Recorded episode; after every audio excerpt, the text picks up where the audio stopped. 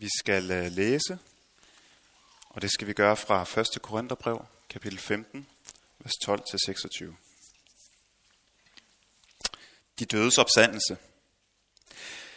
Men når det prædikes, at Kristus er opstået fra de døde, hvordan kan så nogle af jer sige, at der ikke findes nogen opstandelse fra de døde?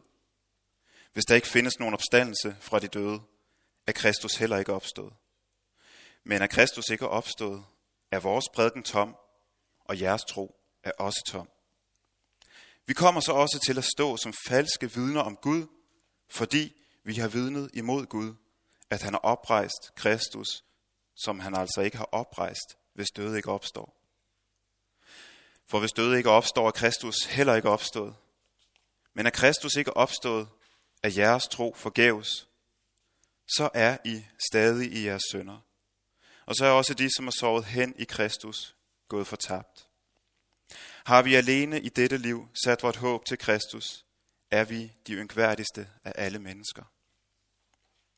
Men nu er Kristus opstået fra de døde, som første grøden af dem, der er sovet hen.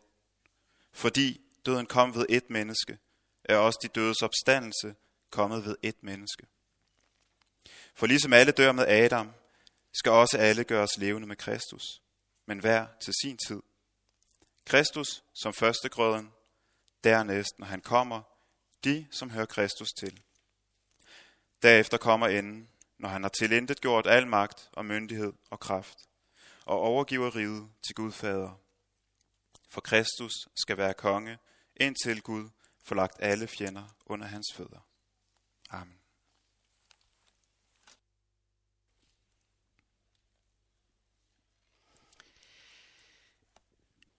Jeg vil gerne tage jer med ud på en rejse. En rejse langt væk, både fra tid og sted, og så alligevel en rejse til en tid, som er dybt forbundet med dagen i dag og stedet, hvor vi sidder nu. Jeg vil gerne tage med ud på en rejse. Der er ingen, der er ingen risiko for coronarestriktioner. Men der er en masse smitterisiko. Faktisk håber jeg, at I bliver godt og grundigt smittet. Jeg håber, I bliver smittet for livet, intet mindre.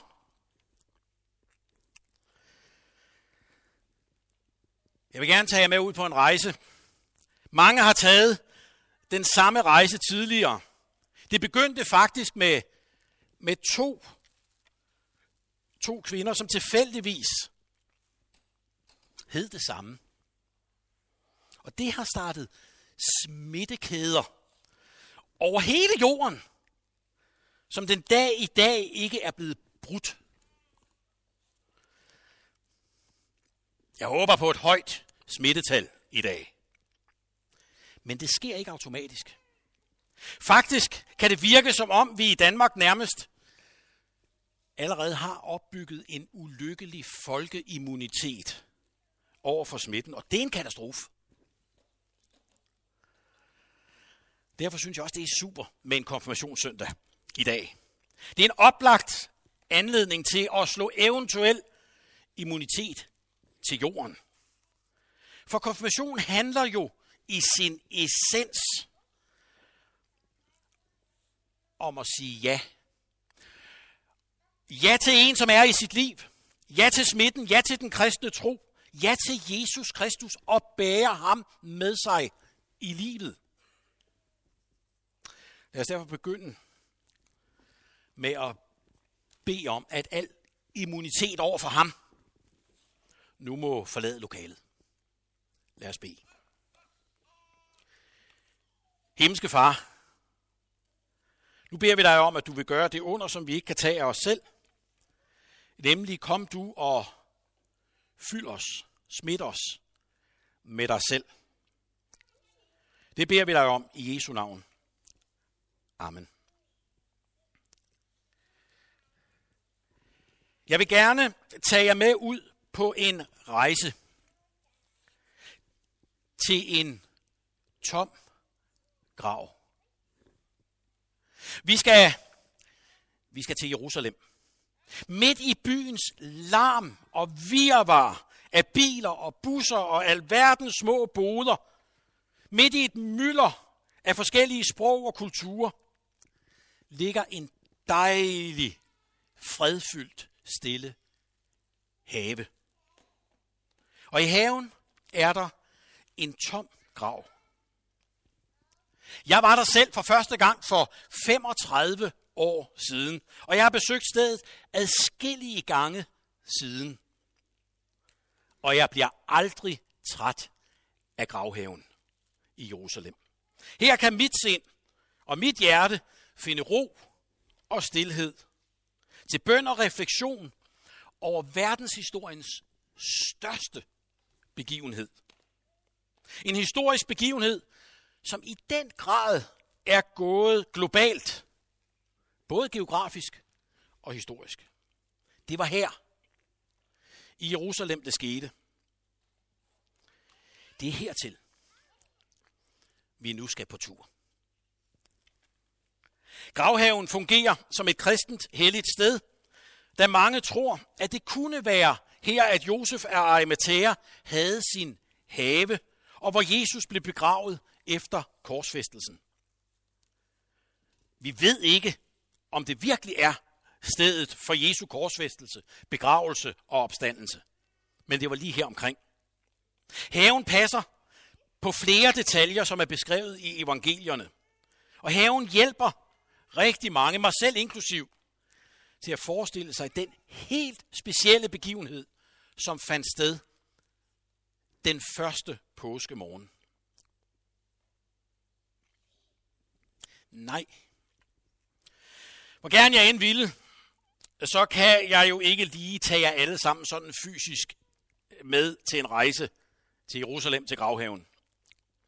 Og Maria og Katinka, kan, jeg kan roligt sige, at, øh, at det burde og var sådan set også en, en, en del af konfirmandoplægget, at vi skulle have haft sådan en ekskursion en torsdag eftermiddag, men så kom corona ind i vejen.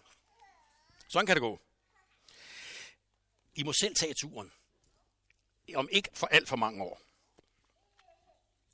I dag, der må vi nøjes i gåsøjen med at tage turen til den tomme grav ved at læse beretningen sammen fra Matteus evangeliet, kapitel 28. Lad os rejse os og høre fra vers 1.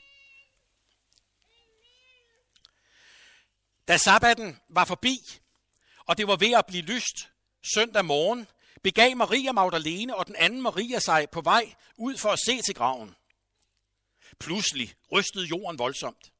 En engel var nemlig kommet ned fra himlen og havde rullet stenen bort fra graven og sat sig på den. Hans klæder var blændende hvide, og han udstrålede et stærkt lys. Vagterne rystede af skræk og faldt lamslået til jorden.